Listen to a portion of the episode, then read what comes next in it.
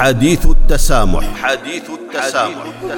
التواصل مع الحضارات والأمم يعزز التآلف الإنساني ويقدم انموذجا للتعايش مع الآخر وبما يؤدي إلى تحقيق أسباب السلام.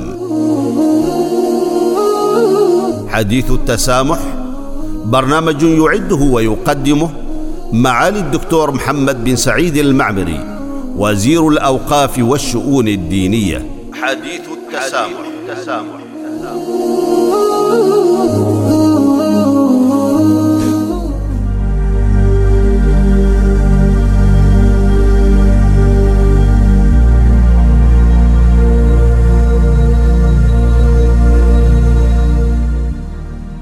بسم الله الرحمن الرحيم. الحمد لله والصلاة والسلام على رسول الله وعلى آله وأصحابه أجمعين ومن تبعهم بإحسان إلى يوم الدين.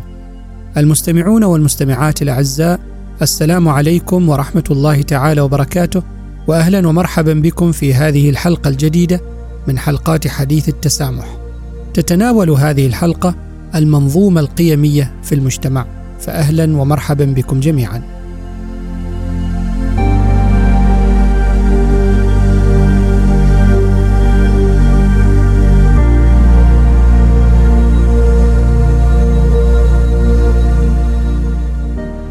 لقد أصبحت مجتمعات اليوم ملتقا للثقافات والأفكار المتنوعة فأصبح بناء منظومة قيمية وأخلاقية مشتركة للمجتمع ومستمدة من الدين والهوية الوطنية امرا ضروريا لتعزيز الوحدة والوئام.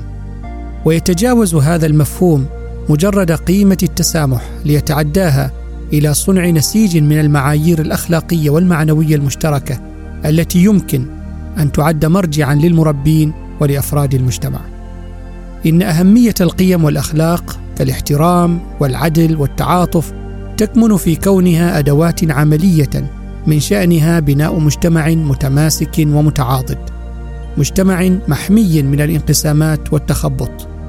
وفي هذه الحلقة نستكشف معا دور القيم المشتركة في توحيد جهود المجتمع وتوجيه بوصلة أفراده نحو المساهمة الفاعلة في البناء وحفظ المكتسبات. أيها المستمعون والمستمعات إن بناء أرضية القيم المشتركة في المجتمع تبدأ بتحديد المبادئ الأساسية التي تميز المجتمع عن غيره كالدين والهوية والثقافة والعادات والأعراف والتقاليد وغيرها. ليستنبط من هذه المبادئ الأساسية القيم الجوهرية التي تعزز من مكانة كل فرد في المجتمع وتبين له دوره المنوط به. وقد جاء عن الرسول صلى الله عليه وسلم أنه قال إنما بعثت لأتمم مكارم الأخلاق. فهنا كان الرجوع إلى ما اعتاد عليه الناس في ثقافتهم وأعرافهم من أخلاق وقيم كالمروءة والوفاء والكرم لتكون منطلقا نحو بناء منظومة قيمية مشتركة للمجتمع. وفي عصرنا الحالي فإن الأهمية تكمن في إعادة صياغة مفهوم القيم بطريقة تتوافق مع متطلبات العصر ومع الحفاظ على جوهرها الأساسي. وهذا أمر يتطلب جهدا مشتركا من قبل الجميع من علماء ومفكرين وأكاديميين وصناع السياسات لتأطير القيم في سياق يراعي التحديات المعاصرة ويحافظ على الهوية الثقافية للمجتمع.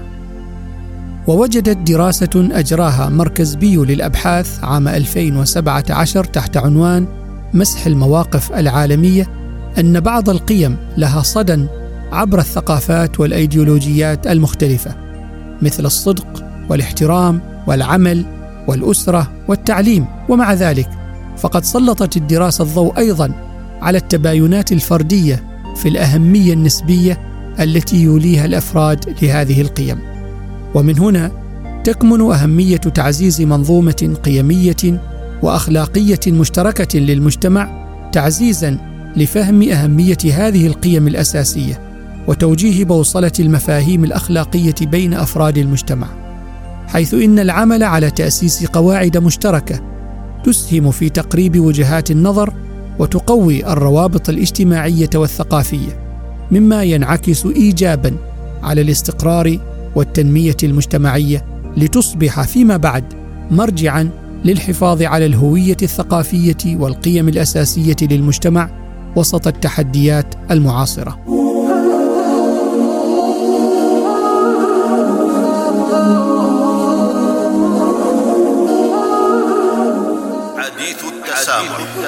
التواصل مع الحضارات والأمم يعزز التآلف الإنساني ويقدم انموذجا للتعايش مع الآخر وبما يؤدي إلى تحقيق أسباب السلام.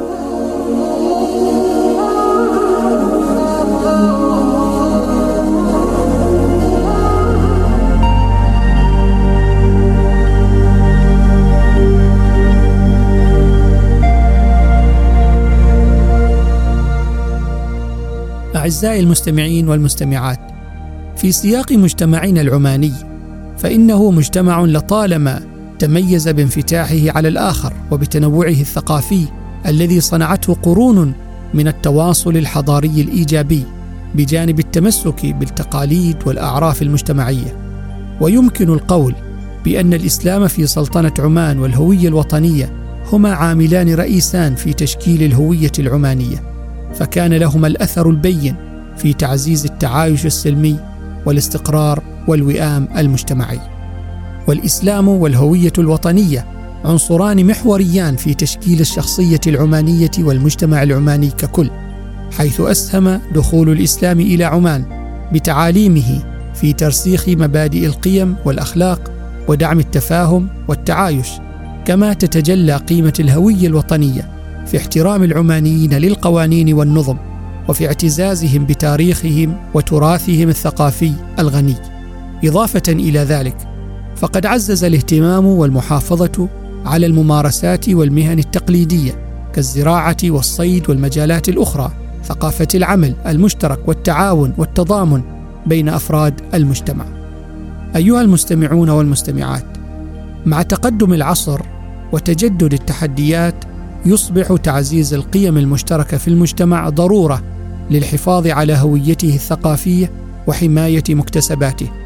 ويتطلب هذا الأمر كما أشرنا إلى تضافر جهود كافة شرائح المجتمع من أفراد وأسر ومؤسسات لترسيخ هذه القيم وتفعيلها في مختلف مجالات الحياة. ويبدأ هذا الجهد في المنزل حيث تغرس هذه القيم في الأجيال الناشئة من خلال التربية الدينية والوطنية والقدوة المثلى. فالأسرة هي من تضع اللبنات الأولى لبناء شخصيات تقدر المنجزات وتعمل من أجل الصالح المشترك. وبالتوازي يأتي دور الأفراد في تحمل مسؤولياتهم كأعضاء فاعلين في المجتمع. فمن خلال التفاعل الحسن والالتزام يمكن لكل فرد أن يسهم في الحفاظ على هوية المجتمع الذي يقوم على أسس العفة والاحترام والتعاون والقيم السامية النبيلة.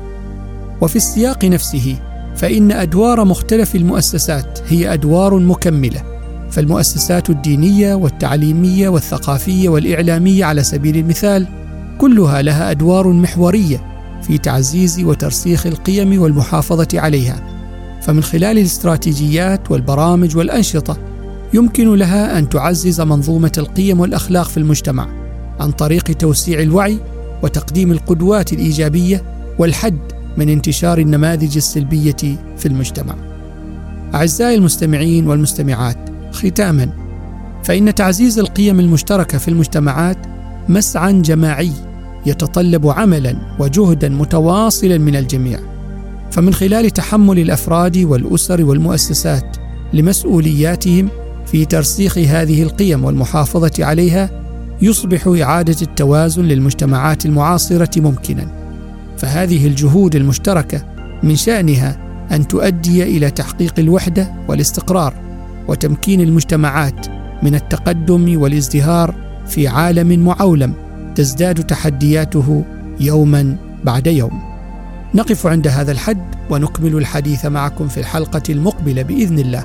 حتى ذلك الموعد نترككم في رعاية الله وحفظه. والسلام عليكم ورحمة الله تعالى وبركاته.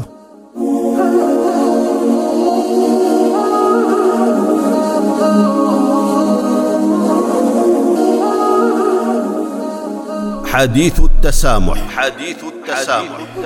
التواصل مع الحضارات والأمم يعزز التآلف الإنساني ويقدم انموذجا للتعايش مع الآخر. وبما يؤدي إلى تحقيق أسباب السلام حديث التسامح برنامج يعده ويقدمه معالي الدكتور محمد بن سعيد المعمري وزير الأوقاف والشؤون الدينية حديث التسامح, التسامح.